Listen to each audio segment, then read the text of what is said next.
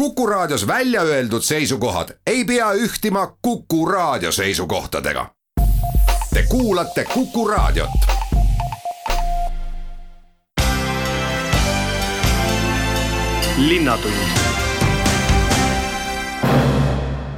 tere, täna anname teile esmalt teada võimalusest, kuidas Tartu elu huvitavamaks teha ehk välja käia linnavõimule oma mõtteid, mis mahuvad kaasa eelarve raamesse siis äh, võtame kõneks äh, Kastane tänava ühe tehasoovi tuleviku, sest äh, detailplaneeringu avalik väljapanek seisab kohe ees. jagame teavet alustatud kiirkompostrite projekti kohta, mis on mitmeaastane ja haarab mitmeid maju. räägime õpetajast, tipist ja preemiast ja kiirkliiniku esimestest kogemustest. juttu juhib Madis Ligi linnatund jõuab nüüd Tartu kaasava eelarveni, sest äh, järjekordne ring on lahti läinud ja linnavalitsuse kommunikatsioonijuhi Liina Lukaga kohe ka sellest räägime. mida oleks huviliste praegu mõistlik teha? praegu oleks mõistlik äh, hakata oma ideed paberile panema ja saata meile ära, et meil siin kaheteistkümnendal aprillil algas ideekorje ja nüüd kestab see teise maini nii et paar nädalat veel aega on, aga võiks juba hakata seda ideed kokku kirjutama ja meie poole saatma. mis peab selles kokkukirjutuses tingimata olema selleks, et löögile pääseda? no kõige olulisem on see idee ise, et äh, oluline oleks, et see on investeering, et selle maksumus ei läheks üle saja tuhande euro. seda on võib-olla ka raske hinnata, kui ei ole tegelenud selle, selliste projektide elluviimisega aga võib-olla saab vaadata ka linna eelmisi äh, investeeringuid ja mingeid võrdlusi otsida. aga kui seda ei ole, siis võib ikkagi oma idee ära saata, et küllap siis meie eksperdid ütlevad, et kas see mahub saja tuhande hulka või mitte. ja siis ka idee kirjeldus võiks ikkagi olla selline suhteliselt äh, konkreetne ja täpne ja ka asukoht äh, juba näidatud selles idee kirjelduses kas see vastus tähendab seda, et eelmistel aastatel kaasava eelarve peale välja käidud mõtted on linna kodulehel saadaval ja võib siis sealt eeskuju võtta? jaa, ma pidasin silmas, et äh, jah, meie e linna eelarve on kodulehelt leitav ja seal on äh, küllaltki palju häid näiteid, äh, et mis üks või teine objekt, näiteks mingid mänguväljakud või kergliiklusteed või mingisugused muud sellised avalikud objektid, et äh, mis, mis need maksma lähevad, et sealt võib-olla leiab häid võrdlusi küll. Need ideed, mis siis kõlbavad esitada kaasa eelarve idee konkursil, peaksid teenima avalikku huvi, olgu nad juba viidatud mänguväljakud või midagi muud, millest tulu tõuseb väga paljudele inimestele just nimelt ja nad peaksid olema kõigile avalikult kättesaadavad, et kuskil keldriruume remontida kahjuks kaasava eelarve eest ei saa, et ikkagi peaks olema see kõigile kättesaadav pidevalt. on teil ka mingi vorm olemas või võib seda teha vabas vormis ja läkitada siis linnavalitsusele? Nii ja naa, et kes soovib vabas vormis, siis saab ka lihtsalt e, e-kirjana saata, et selle kohta kontaktid on kodulehel olemas, aga, aga võib ka kohe meie infosüsteemi sisestada, selle lingi leiab samuti kodulehelt, et siis on, siis on need ideed ka kohe süsteemis ja, ja ka teised saavad nendega tutvuda. kui ideed on välja käidud, mis saab edasi, kuidas see protsess jätkub? Protsess äh, jätkub sellega, et äh, erinevate valdkonda, valdkondade eksperdid äh, tulevad siis kokku ja vaatavad need ideed põhjalikult läbi. ja põhiline on see, et kas need ideed on teostatavad. et just kas rahalisest aspektist või võib-olla mingisugused tehnilised probleemid või omandiküsimused, et siis need asjad tuleb enne ära lahendada, kui ideed juba lähevad laiemale aruteluringile ja siis suvel ongi meil ka kavas äh, avalikud arutelud juba nende ideedega, äh, mis siis on sellest esimesest ekspertide sõelast läbi pääsenud. ja nagu ikka, oktoobris on siis hääletus nii et väga uljaks ei tasu minna, näed, luuletusi pole mõtet kirjutama hakata, tegemist on ikkagi raha jagamisega, meie maksumaksja raha jagamisega, ühtekokku, nagu juba viidatud, siis ühe idee peale läheb sada tuhat. Ja kui palju võitjaid võib olla sel aastal? no võitjaid võib olla kaks, kui need mõlemad ideed on siis, kui nende peale läheb sada tuhat mõlema peale ära, aga kui mõni väiksema mahuga idee võidab, siis võib-olla võib ka kolmas äh, sinna sisse mahtuda. mida varasemad aastad on näidanud, äh, kas see ideekorje on läinud ilusti, nii et äh, inimesed on asjast õigesti aru saanud ning sellepärast ei ole vaja mõtet tagasi põrgatada, et ta ei ole piisavalt selgelt vormistatud? Jaa, me ikkagi küsime vajadusel ka inimestelt lisaküsimusi ja palume täpsustusi ja, ja selles mõttes ikkagi aitame nagu neid idee autoreid ka nende ideede vormistamisel, et, et sellepärast ei pea muretsema, kui võib-olla ei oska seda väga konkreetselt kirja panna, et igal juhul, kui on idee ja, ja kui on hea idee, et siis eh, tuleks ära saata ja küllap me siis aitame edasi selguse mõttes kordame üle selle tähtaja, kui kaua saab siis esitada Tartu kaasava eelarve ideekorjele neid mõtteid, mis juba võiksid saada rahatuge läbi järgmise aasta linnaeelarve? ideid me ootame teise maini, teise mai päeva lõpuni, nii et äh, aega veel on natukene. linnatund linnatund läheb edasi ja palun nüüd teid mõtelda Kasteni tänavale, sellepärast et kohe läheb avalikule väljapanekule üks detailplaneering, mis käib tehasoovi kohta. arhitekt Karin Pahman jagab meile selle kohta ka teavet. kui me maastikule läheme, kas jõuame siis kunagise Elatsi vabriku praeguse Sammelini hoovi? jah, et see planeering on jah, osaliselt katab siis selle Sammelini nii-öelda sisehoovi et äh, ühes pool asuvad praegu kaks angaari ja teisel pool on siis äh, hoone, kus asub äh, trükimuuseum, paberi- ja trükimuuseum. mis on teil mõttes, mis on arendaja soov? kuna see jah, et see arendaja on sama, kes on arendanud ka aparaaditehast, siis soov iseenesest on sedasama mudelit nagu edasi kanda, kus on hästi võimalikult mitmekesine ruumikasutus, hästi erinevad, erineva iseloomuga asutused, et oleks selline kirju ja isegi mõnes mõttes segane linnapilt, et eh, see tähendab siis, eh, toob rohkem erinevaid inimesi ja see linnaruum on siis elav ja planeeringuga antakse või noh, soovitakse eh, anda ehitusõigusi ja need sihtotstarbed, seal on näiteks väike, väikeettevõtluse bürood võib vaid pidada, majutushoone, kaubandus ja teenindus ja see iseloom siis oleks selline, et esimeste korruste pindadel on sellised avaliku iseloomuga asutused, mingid poed või teenindusasutused ja siis üleval noh, näiteks majutus, majutusosad on ülemistel korrustel, selles mõttes, et nende hoonete projekte veel ei ole olemas, praegu me räägime lihtsalt planeeringust ja need on need, mis need sihtotstarbed, mida sinna on lubatud, aga jah, eks meil see unistus näiteks taaskasutuskaubamajast on ju pikalt olnud, et põhimõtteliselt võimaldavad need sihtotstarbed ka seda teha. seega kasutatakse ära olemasolevad pinnad ja midagi ehitatakse juurde selles mõttes äh, angaaride asemele ühel hetkel jah, ehit-, ehitatakse, kui see detailplaneering ükskord kehtestatakse, et siis see annab võimaluse ehitada sinna uus hoone ja ka trükimuuseumi hoone asemele uus hoone.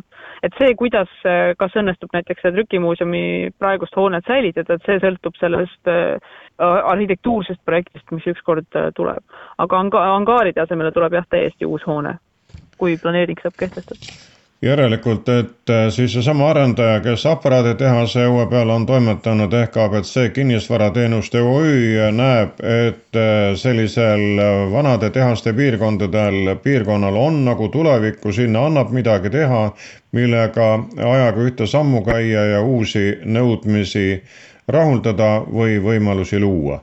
Jah, sest et noh, suures osas tootmised on ju linnast, kesklinnast, me oleme tegelikult kesklinna piirkonnas välja kolinud. Õnneks Sammelin on alles, sest see Sammelini tootmine on, võib-olla ei ole selline väga kärarikas ja, ja töömahukas ja ta on sellises, sellisel pinnal, et see nii-öelda ei ole hakanud ei elamuid segama ja, ja see transport rahuldab Sammelini vajadusi ka, et nad saavad nendel tänavatel hakkama, aga suured tootmised on linnadest ära kolinud ja see on selline trend igal pool, et nendesse vanadesse hoonetesse, siis tekivad uued kasutused see selles mõttes on hea, et see aitab seda linnaosa hoida äh, mitmekesisena, et ei ole siis ainult elamud, vaid on ka, vaid on ka muid funktsioone.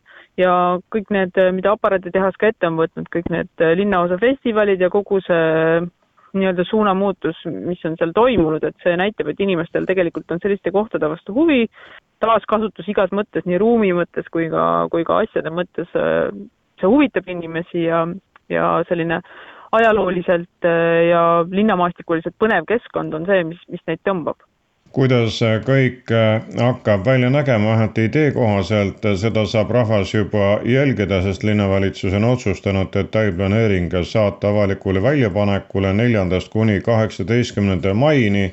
nii et äh, siis on tulevikuvisioon juba äh, üldsusele selgem.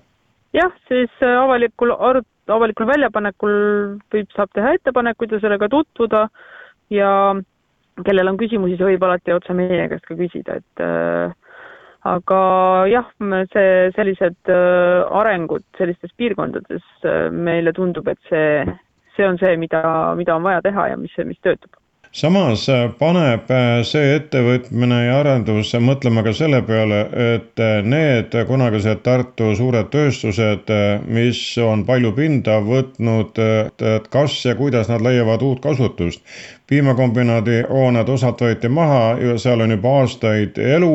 rajoon lihakombinaadist on osa lammutatud. huvitav, kas mõni on tundnud huvi ka postkasti ehk siis kontrollapparatuuri tehase vastu, kus on ju ka suured hooned ja pind on, kas on mõtteid, on midagi kuulda olnud arhitektide seltskonnal?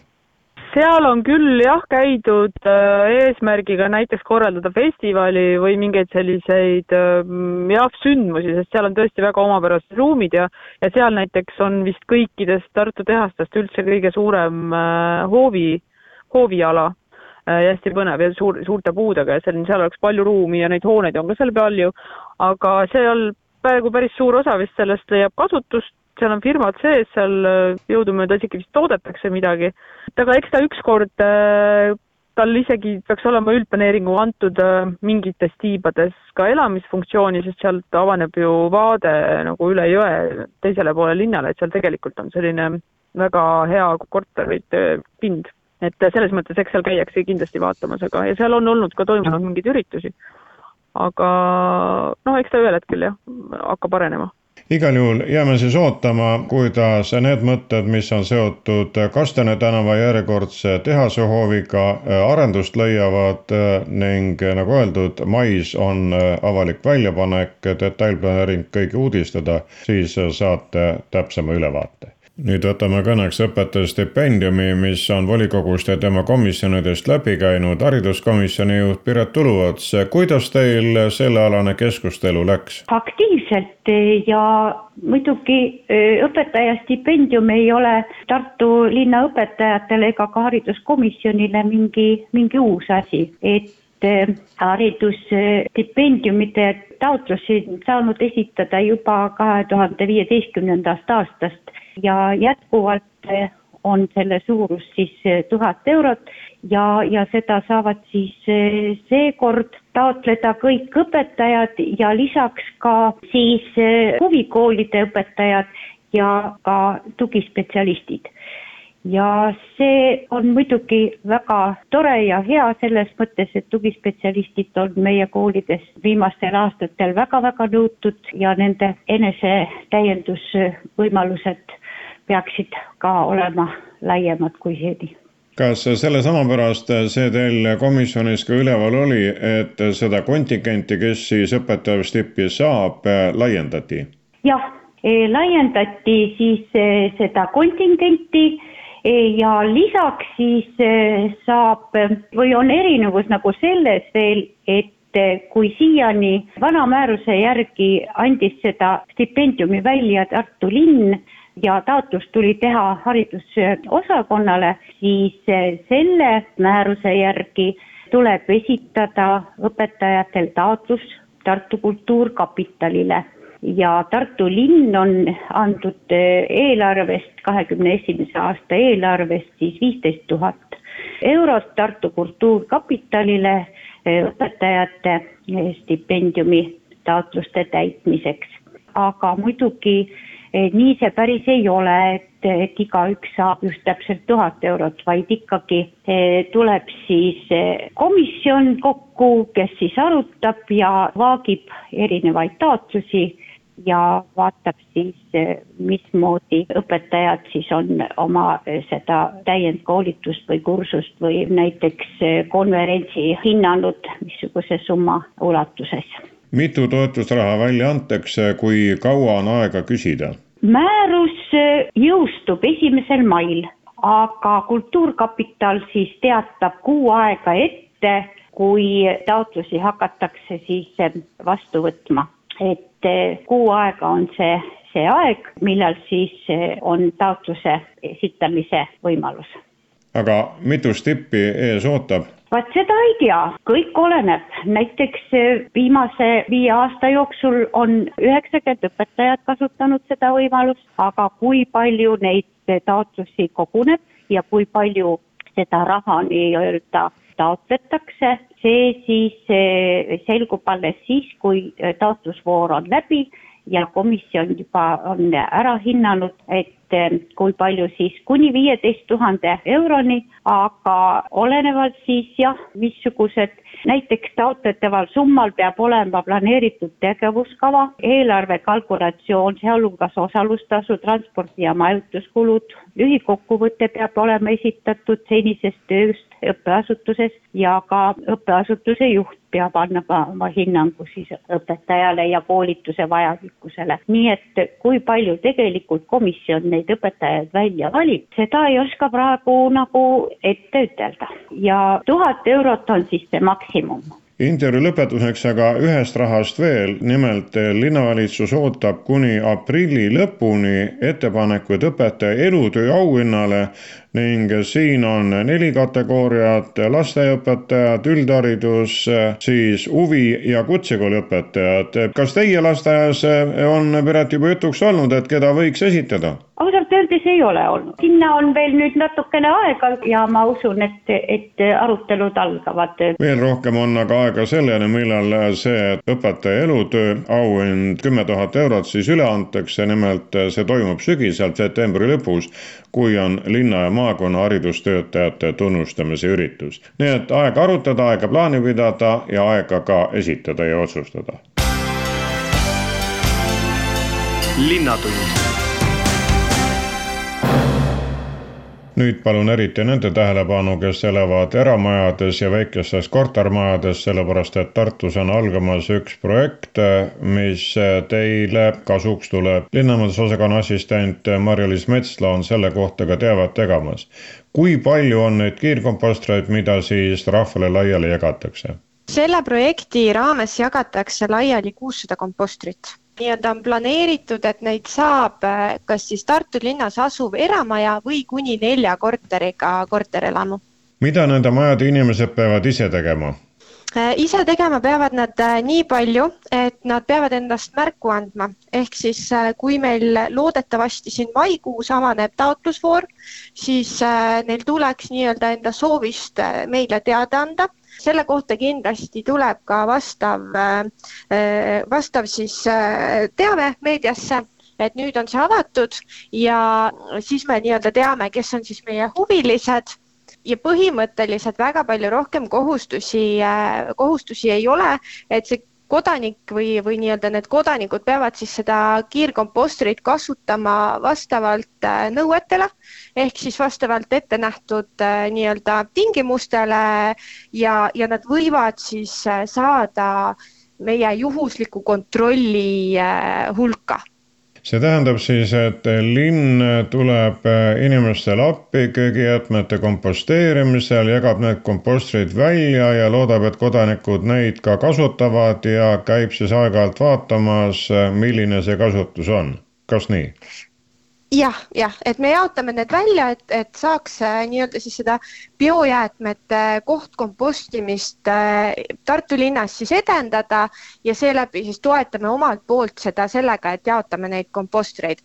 Ja, ja kuna see on tulnud meil ikkagi läbi äh, Keskkonnainvesteeringute Keskuse, siis meil lasub mingisugune kohustus neid kontrollida, ehk siis, ehk siis ta võib sattuda jah, juhusliku sinna kontrolli alla mõte on siis see, et niiviisi elanikud saaksid oma toidujäätmetest teha mulda ja võtta selle uuesti kasutusele. Just, just. Ja just äh, ka nii-öelda siis sellised äh, väiksemad eramud äh, seeläbi, et kuna nii-öelda jäätmekava näeb ju ette seda, et alates kümne korteriga elamut äh,, alates kümne korteriga elamutel on kohustus siis see biojäätmekonteiner ja, ja kuna nagu väiksematel korteritel seda üldjuhul ei ole, et siis meie just nagu üritamegi panustada nüüd nendele väiksematele korterelamutele ja elamutele, kellel siis seda kohustust nagu ei lasu. kui kaua see projekt kestab? see projekt kestab inimese jaoks kolm aastat, peale mida saab ta selle kompostri täielikult endale aga esialgu ei pea need inimesed, olgu nad siis väikestes kortermajades või eramajades, maksma midagi, lihtsalt tuuakse sulle komposter, kui sa oled linnavõimule oma soovist teada andnud. Jah, selles suhtes kodanikule see midagi maksma ei lähe, me sõlmime otse loomulikult lepingu Äh, ja anname nii-öelda dokumendid kaasa, kuidas seda kasutada äh, ja mis selleks tegema peab, aga rahalises mõttes ei, ei lähe see, see kodanikule midagi maksma. kui suured need kompostrid on, millise mahutavusega? Äh, kompostrid on kakssada liitrit no siis enam-vähem sellise suurusega, nagu on need prügikastid, mis maade juures on. just, just Tartu linn siis proovib kolm aastat, nagu öeldud, need on siis mõeldud väiksemate elamute ja eramajade jaoks, suuremate juures juba sageli ka on need biojäätmete kogumise kohad, nii et nendele nagunii need kahesaja liitrised jääksid väikseks Äh, ja et seal ähm, nii-öelda tootja poolt on ka toodud, äh, toodud see info ära, et see on kusagil niimoodi viie kuni kuue inimese jaoks ja, ja seeläbi oleme me ka teinud selle võimaluse, et näiteks kui äh, nelja korteriga kortermajas elab näiteks kümme inimest, siis on sellel kortermajal võimalus taotleda endale kaks tükki, kui ta näeb selleks vajadust seega tuleb oodata informatsiooni linnamajandusosakonnast, et millal see jagamine hakkab ja millal endast siis teada anda ja millal siis juba komposter jõuab ka kellegi hoovi või õue peale, et seda kasutama hakata praegu on siis toimunud konkurss, see, kes Tartule need kiirkompostreid tarnib, see on nüüd välja valitud ja varsti siis läheb jagamiseks. jah, nii kui kompostrid kätte saame, nii kui saame taotlusvooru avada ja kõik taotlused läbi vaadata, peale seda tahame ka hakata nii-öelda neid siis kompostreid jagama koheselt kuid mis saab nendest biojäätmetest, mida kogutakse praegu suurte maade juures, kus on siis need konteinerid prügimajades või mujal? suurtel kortermajadel käib ikkagi see jäätmete nii-öelda äravedu vastavalt jäätmemajanduskavale, mis on siis Tartu linna kodulehel ära toodud, ehk siis vastavalt sellele viiakse ka need prügimäele. linnatund linnatund astub nüüd sisse Confido Tartu kiirkliinikusse, mis on kuu aega töötanud ja peaarst Andreas Abel on selle kohta ka teavet jagamas. kas inimesed on teid üles leidnud? jaa, rõõm on öelda, et inimesed on väga hästi kiirkliiniku Tartus üles leidnud. et esimene kuu oli, oli isegi meeldivalt nii-öelda üllatavalt tegus, et inimesi käis palju. milliste muredega nad tulevad? No eks praegu ikkagi kõige aktuaalsem teema on, on koroonaviirus. ehk siis inimesed käivad, käivad nii nii-öelda selliseid antikehasid äh, uurimas verest, et, et kas haiguse läbipõdemine või vaktsineerimine on tekitanud antikehasid ja, ja loomulikult selline reisitestimine, et äh, enne reisimist kindlaks teha, et ei ole, ei ole koroonaviirusega nakatumist et need teemad on kindlasti kõige populaarsemad, aga lisaks nii-öelda läheneva suvega käiakse ka sünnimärke kontrollimas, käiakse puugivaktsiini kas esmakordselt tegemas või uuendamas ja loomulikult alati on aktuaalsed igasugused eh, nii-öelda mitte koroonaga seotud tõendid, autojuhi tõendid, relvaloa tõendid. kas teie kiirkliinik teeb ka koroona kiirteste?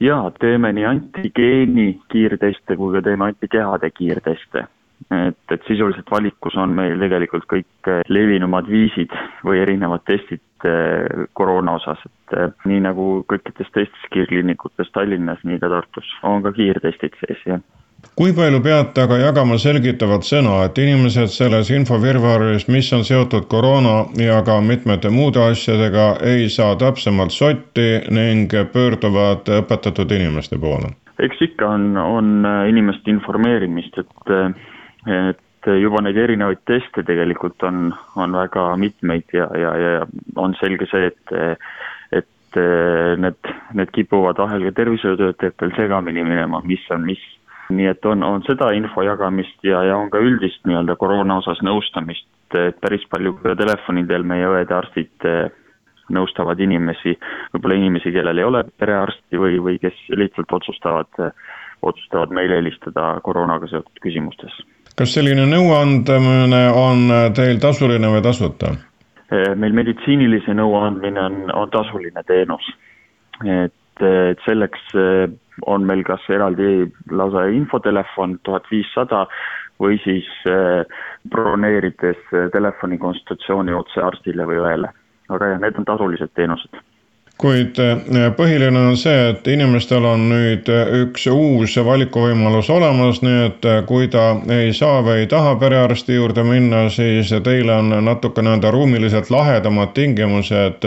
praeguse aja nõudeid arvestades nii-öelda ohud võib-olla väiksemad ja siis juletakse tulla, mis sest, et tegemist on kiirkliinikuga ja erameditsiiniga jah, eriti see Tartu kiirkliinik on, on väga suur ja avar, et, et seal kindlasti Eh, kõik ohutusnõuded on täidetud, eh, kellegagi nii-öelda kõrvuti istuma ei pea ja, ja saab nii-öelda turvaliselt oma nõustamise, eh, nõustamise või muu terviseteenuse kätte. ja, ja meile pääseb kiiresti, et, et ikkagi sama päeva jooksul reeglina pääseb vastuvõtule või, või pääseb nõustamisele ja noh, eks praegusel ajal on, on mõistlik alati eelregistreerida oma, oma käik just koroona tõttu aga vajadusel ikkagi saab ka kaubanduskeskusest kliinikusse sisse astuda. doktor Abel, kes on põhiliselt, mis eas on praegu põhiliselt teie patsiendid? eks põhiline vanusegrupp, mis on kõige suurem vanusegrupp üleüldiselt, on ikkagi tööealised inimesed. aga iseenesest kiirkliinikutesse on pöördunud eh, vanemad väga väikeste lastega ja, ja ka väga kõrges eas inimesed. aga põhiline on kindlasti tööealine inimene esimese kuu töökogemus on nüüd käes, kas Confido kiirkliinik Tartus on saavutanud oma teenuste mahu ehk rohkem midagi juurde ei tule või plaanite seda? kindlasti ei ole saavutanud oma täit töömahtu, et noh, me räägime alles esimesest kuust pooleteisest, nii et plaanis on sinna kliinikusse tuua juurde veel, veel hulganisti erinevaid teenuseid, et et juba lähiajal kindlasti äh, tuleb sinna juurde selliseid esteetilise meditsiini teenuseid ja, ja edaspidi äh, kindlasti ka erinevate eriarstide või erialadega seotud teenuseid, et kindlasti laieneme teenuste osas. kaitsesüsteemid ei hakka? kaitsesüsteemides oleme juba osalenud ja, ja kindlasti plaanime äh, võimalusel ka edaspidi osaleda oleme juba ka ühe korra ju massvaktsineerimisel osalenud, aga aga tõsi, tõsi, mitte Tartus. aga kui võimalus on, siis, siis loomulikult, eh, loomulikult osaleme ka vaktsineerimises. kallid kuulajad, käes on kokkuvõtte aeg täna rääkisime teile Tartu kaasava eelarve ideekorjest teavetegas kommunikatsioonijuht Lilian Luka volikogus arutatud ja kinnitatud õpetajastipendiumist rääkis volikogu kultuurikomisjoni esimees Piret Uluots. Kastani tänava tehase hoovi võimalikust tulevikust arhitekt Karin Pahman, biojäätmete kompostri projektist linnamajandusosakonna assistent Mari-Liis Metsla ning Confido Tartu kiirkliiniku esimesest töökuust ja kogemustest peaarst Andreas Abel. Neid usutles Madis Ligi. aitäh kuulamast, olge terved linnatund